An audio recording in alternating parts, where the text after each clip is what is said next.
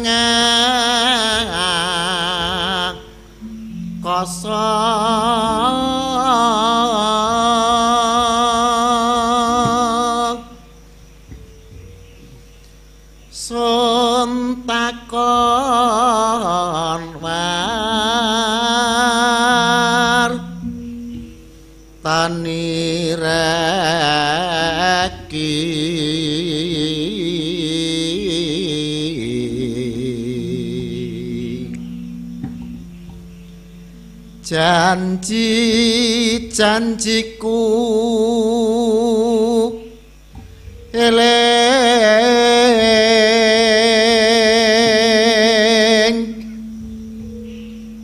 sumedhot ra sing tiang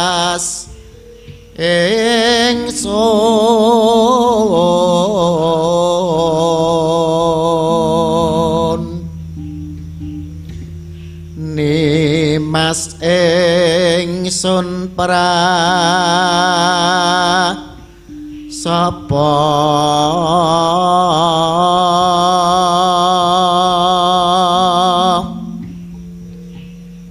Sinan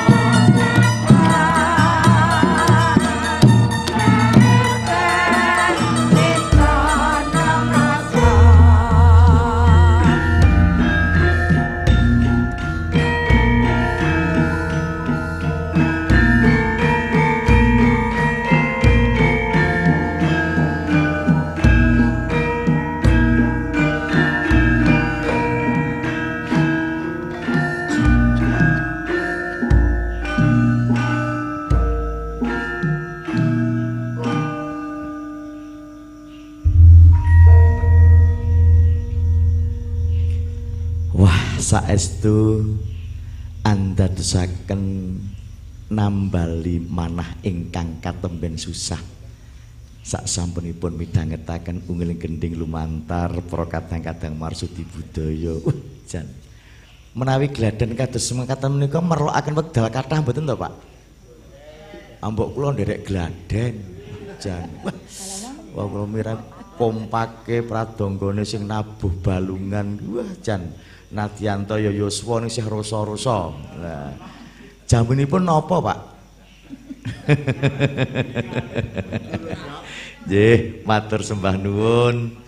Unggeling gending ingkang katemben kapiyarsa menika saestu andhatosaken renane penggalih linangkung ingkang samya keparing manunggal miwah nyawiji wonten ing madyaning malam kemisan ingkang kagelar dening paguyuban Bali Buja. Ingkang mapan wonten Graha Purba Wasisa Kencana.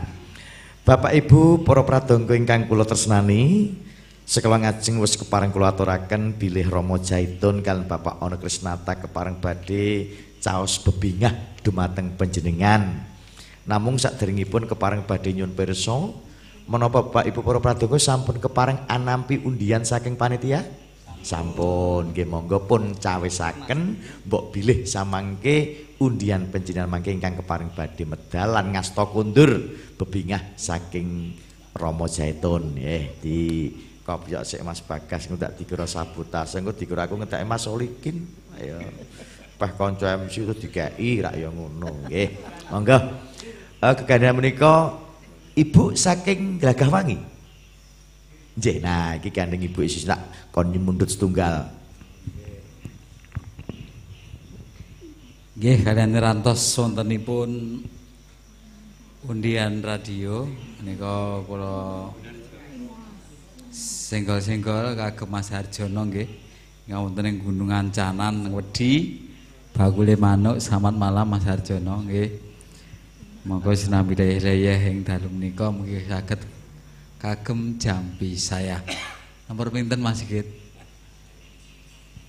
Monggo. Nggih wah. Nomornya alit niku Bu. Nomor 6 Bu Pak. Nomor 6 oh. Nggih selamat ya Pak. Nggih nggih. Nggih, matur nuwun. Eyang ingkang asta gender pikantuk bebingah saking Romo Zaitun. Wah, menika ngepasi panjenengan kepareng badhe midhangetaken secara langsung malam Kemis saged nyetel radio bebingah saking Romo Zaitun. Nggih, matur nuwun. Mugi manfaat nggih yang nggih. Nggih. Mboten yang panjenengan menika kang gender kok mboten ngemataken wilan napa sampun napal napa pancen mboten ngangge nut. Mboten ngangge nut. Ora yo merem ngono kok ya sopal nggih. Kok tabuhane ya pas nute lho nggih. Oh nggih, matur nuwun nggih. Mugi-mugi manfaat eyang lan saged barokah nggih eyang nggih. Kalian donga pamujinipun Mas Ono benjang mimpang nggih eyang. Amin nggih. Sak kala wau panjenenganipun Mas Bagas ugi sampun single-single dumateng para keluarga ingkang sampun nyawiji. Menika ugi wonten nawala lumantar SMS ingkang sampun keparang kula tampi. Saking penjanipun Pak Madi Pijet Wonosari Trucuk. Pak Narto Sentot kagem Papa Barun, Om Wandi, Mbah Waliman, Pak Atun, Pak Anton Sukardi, Bu Murtini, Pak Sandio, Pak Kardi, Pak Mukri, Bu Bagio, saha Pak Harsono. Nggih matur nuwun sampun kula singgol. Pak Mardi lajeng menika ugi wonten nawala lumantar saking WA menika saking Pak Sembret Reyok nggih salam-salam katur Kanjeng Sam Mbak Ratmi Pasung Bu Margiati Pak Bayan Paiman Masudi Mbah Wiro Ratman Sarno ugi grup karawitan ing Bogembayat ugi Mas Dalang Surono Mbah Yetno ing Trembono sugeng midhangetaken lumantar Bali Buja paguyuban peduli budaya Jawa ingkang mapan wonten ing Kitha Prambanan. Nah ugi menika tasih Mas menika saking kadang kula penyanipun Bapak Sriyono saking Malis Renggo menika setunggal seperjuangan. Kanthi atur sugeng dalu Mas Sigit wilujeng dalu Pak Sriono saking kula Pak Sriono badhe nyuwun gending-gending Jawi. Keparenga samangke ngaturaken sinom parijodo pelok 6 kalajengaken lelagon si kucing pelok 6 gending Jawi menika kula aturaken sedaya paguyuban Indonesia saklawase dapil 2 Kabupaten Klaten matur nuwun Pak Sriono nggih mugi mangke saged kaaturaken dening para kadang-kadang marsudi budaya. Nah, kata sangat Pak Bagas ingkang sampun keparing wiji dan para kadang-kadang marsudi budaya ingkang inti wanca uh, ketiban sampur marak wonten ing Graha Purbawasi sakencana. Wonten pangandikan malih Mas Bagas monggo saderengipun ngaturaken ungeling gedhe sak lajengipun. Oh nggih mau katur sedulur-sedulur wonten ing lor serut Pak Sigit nggih kathah sangat lot serut mengalir dugi gondang nggih jan pendemene kathah sanget boten kula sebut setunggal pokok setunggal nggih sedaya wilujeng dalu mugi seger diwaras selalu kagem panjenengan ingkang dalu menika nembe istirahat nggih. Wilujeng dalu wilujeng ngayi gati ingkang nembe rondo wonten ing sis kamling mugi lancar adem ayem aman sedayanipun monggo pun lajengaken Mas ugi ngimutaken dumateng sedaya warga masyarakat ingkang sami wungon ing dalu menika. Sampun ngantos katalumpen mbok bilih katemen leyeh-leyeh wonten ing griya kunci-kunci lawang cendela lan mbok menawi sanesipun monggo pun permati langkung rumiyin saderengipun mangke sare saderengipun pansare monggo dipun kula imutaken dipun teliti kanthi permati sampun ngantos mangke wonten bab-bab ingkang ndadosaken pitunanipun panjenengan sedaya. Para pamirsa budaya ingkang satu hudat kula tresnani linangkung para ingkang wis keparing nyawiji lumantar paguyuban Bali Buja kita Prambanan. Gending ingkang kapiyarsa lumantar paguyuban karawitan Marsudi Budaya saking Lagahwangi Polan Harjo ingkang angka 6 ingkang samangke keparing kapiyarsa ungeling ladrang ngenguwung kanthi laras slendro patet songo parandene saderengipun keparing badhe kapiyarsa ungeling ladrang ngenguwung kapurwakan wontenipun bawa sekar mocopat dandang gula parandene ingkang sama keparang angaturaken kadang kula sepuh Rokomas Muhammad Solikin Kunjuk dumateng para kadang-kadang marsudi budaya linangkung panjenenganipun Bapa Masolikin kasumanggaken genyi keparang angaturaken gending ing saklajengipun. Wilujeng midhangetaken dumateng para kadang pamirsa budaya.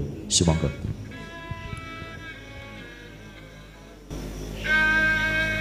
Sri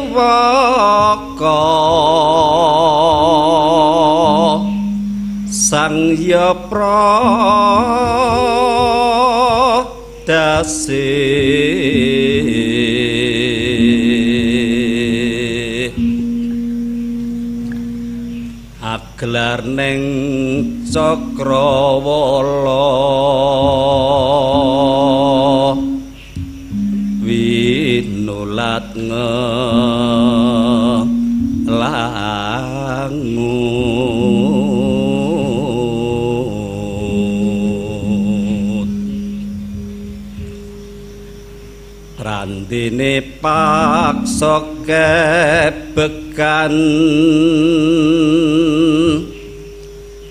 Saking kehin taranggana kang sumiwi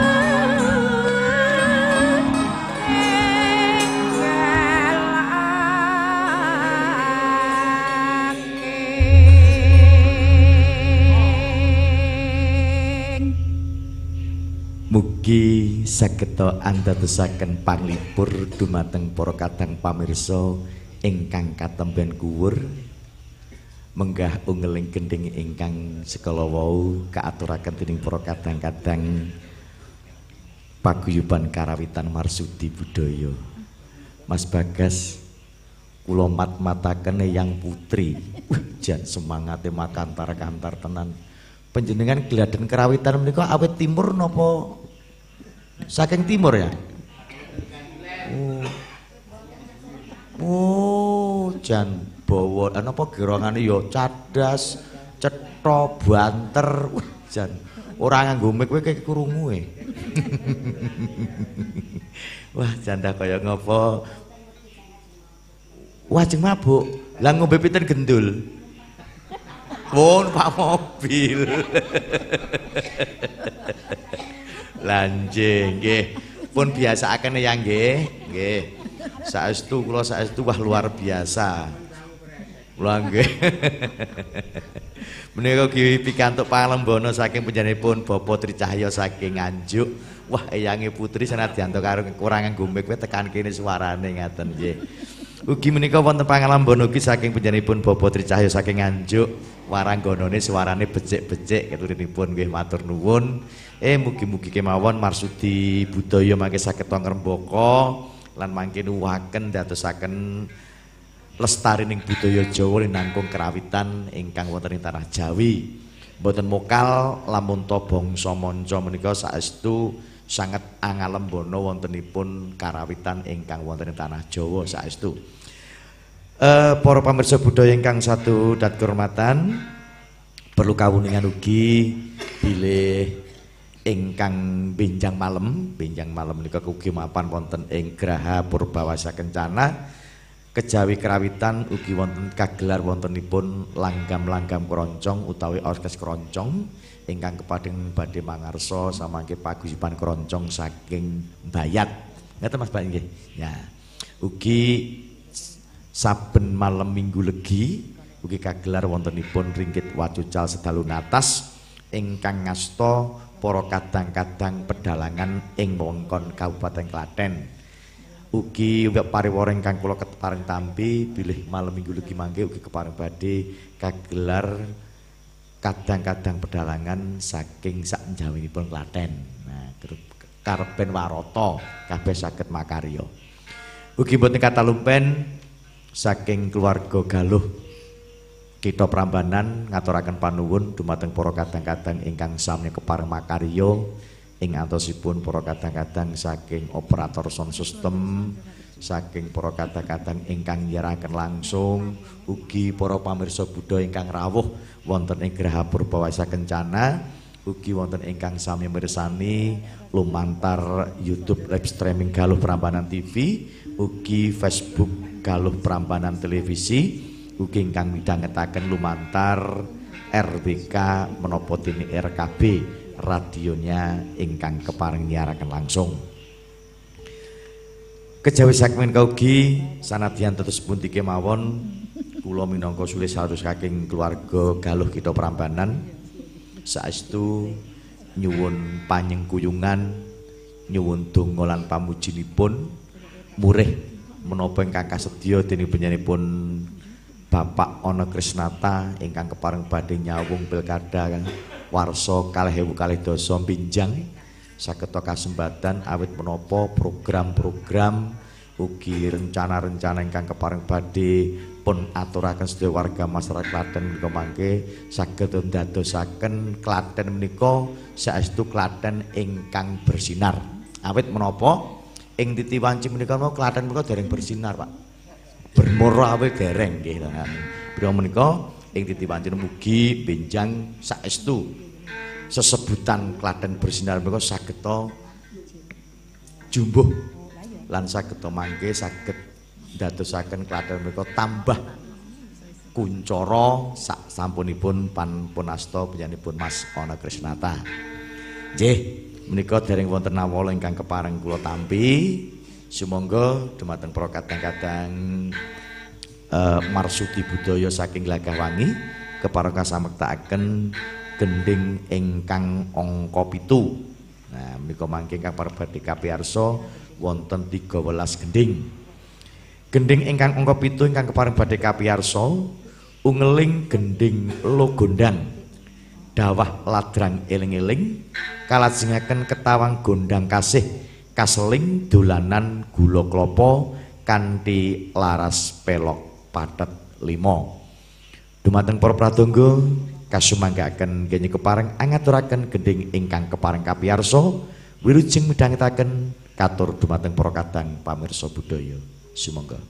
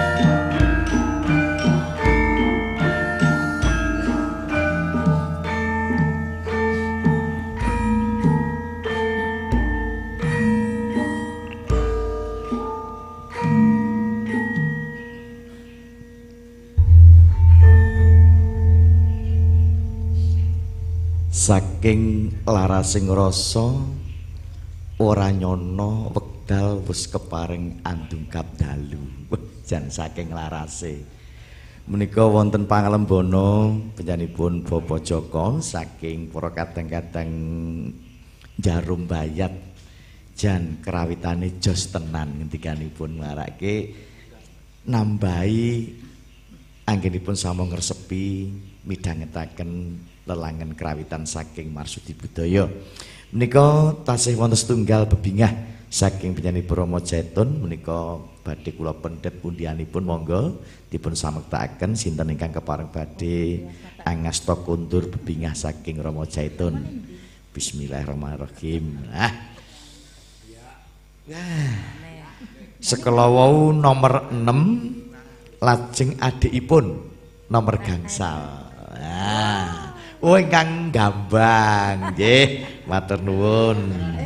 Nggih ingkang gambang menika panjenenganipun Bapak Sri nggih. Monggo Bapak Sri menika pun ranting mawon apa mangke pun pedhet nggih. Nggih matur nuwun nggih. Oh menika garwanipun Ibu nggih monggo Ibu mangke saged kagem midhangetaken sarengan kalian Bapak nggih Bu nggih. Nggih matur nuwun. Nggih minangka sulisarira saking para kadang-kadang paguyuban Bali Buja ingkang ing titiwan menika mapan wonten Graha Purbawasa Kencana. Saksampunipun sekala wau gending lo gondang dawah ladrang eling-eling kalat sing ketawang gondang kasih kaseling dolan kula klapa sampun kepareng suwuk. Monggo lekas sing karsa kepareng badhe nglajengaken gending ing saklajengipun nrinjih jineman ular kambang kalajengaken ketawang sinom parijodo kanthi larasipun Slendro Patet Songo. Kan mekaten dumateng para kadang pradonga marsudi budaya kasumanggaken.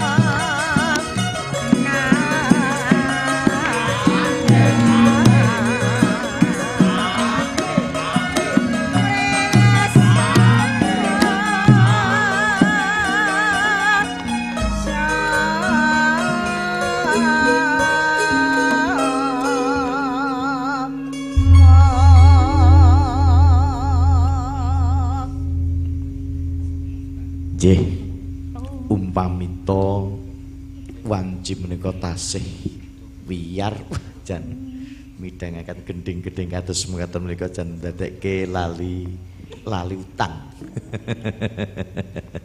Nggih, matur nuwun dumateng para kadang-kadang marsudi budaya ingkang ing titi wancana kepareng samya nyawiji kalian paguyuban Bali Buja ingkang mapan wonten ing Graha Purbawasa Kencana kang tartem tegewala ingkang kaambanan dening Rama Jaitun menapa dene Bapak Ana Krisnata. Mugi karana gemelaring karawitan ingkang saben malam kemis kagelar wonten ing Graha Purbawasa Kencana menika mahanane so anumusi mring para kadang sutrisna budaya tansah nglestarekaken ngrembakakaken wontenipun paguyuban-paguyuban kerawitan saindenging kita Klaten. Sagung para sedherek budaya ingkang satu udat kehormatan, so ingkang satu udat kula tresnani. Sak sampunipun jineman ular kambang miwah sinampa jodoh sampun kepareng paripurna. Sumangga samangke para kadang-kadang marsudi budaya kepareng badhe angaturaken menggah gendhing ing salat singipun nuninjih ladrang bayem tur. Kanthi laras pelok paret barang kalajengaken ayak-ayak pamungkas. Saderengipun para kadang-kadang marsudi boyo kepareng badhe ngaturaken gending ingkang kinaro pamungkas. Mawantu-wantu kula kinaro sulih salira saking keluarga Galuh Kitha Prambanan ingkang dipun embani panjenenganipun Rama Jaitun menapa dene Bapak Ana Krisnata mawantu-wantu sepisan malih. Nyuwun donga pamuji pangestu miwah panyengkuyanganipun sedaya warga. Masyarakat ing kitha Klaten bersinar murih ingkang kasedya panjenenganipun kadang kula sepuh Bapak ana Krisnata samangke saged kasebatan kene kepareng badhe. Angaya jejibahan ngasta wonten ing Kabupaten Klaten kinarya pangarsaning bupati. Saestu keluarga Galuh Kitha Prambanan namung donga pamuji lan panyengkuyanipun. Ugi boten katalumpen ing dalu menika keluarga paguyuban Bali Buja ngaturaken panuwun dumateng para kadang-kadang ingkang samya parmakarya linangkung para-para kameraman para-para ingkang ngastoson sistem ugi para kadang ingkang samya rawuh ugi ingkang sampun nyawiji lumantar YouTube live streaming Galuh Prambanan TV menapa dene Facebook Galuh Prambanan Televisi ugi ingkang kepareng midhangetaken lumantar RKB menapa dening RWK mawantu-wantu kula saking para kadang Galuh Prambanan nyuwun kritik miwah saran. Murih samangke saged saenipun gelaring karawitan saben malam kemis. Lan ugi para kadang marsudi budaya ingkang ing titi wanci menika kajibah anggelar kerawitan anggenipun sung sugata panglipur saestu dadosaken kuciwan penggalih lumantar pribadi kula para kadang-kadang marsudi budaya namung nyuwun lumunring samudra pangaksami. Pribadi kula pun kisi kitat moko ingkang dinengenah angacara wonten ing dalu menika. Kathah kalepatan cecer cepet so tumpang suh ingin kula kepareng angaturaken saestu pribadi kula namung nyuwun lumutring samudra ing pangaksama. Sumangga samya sesanti sura dira jayang kang rat suwuh brasta tekaping ulah ramarstuti. Rahayu rahayu kang sami tenemu rahayu rahayu kang sami tenemu. Salam budaya Bilahi taufik walidayah. Wassalamualaikum warahmatullahi wabarakatuh. Wilujeng midhangetaken kinaryo gending kang pungkasan. Sumangga.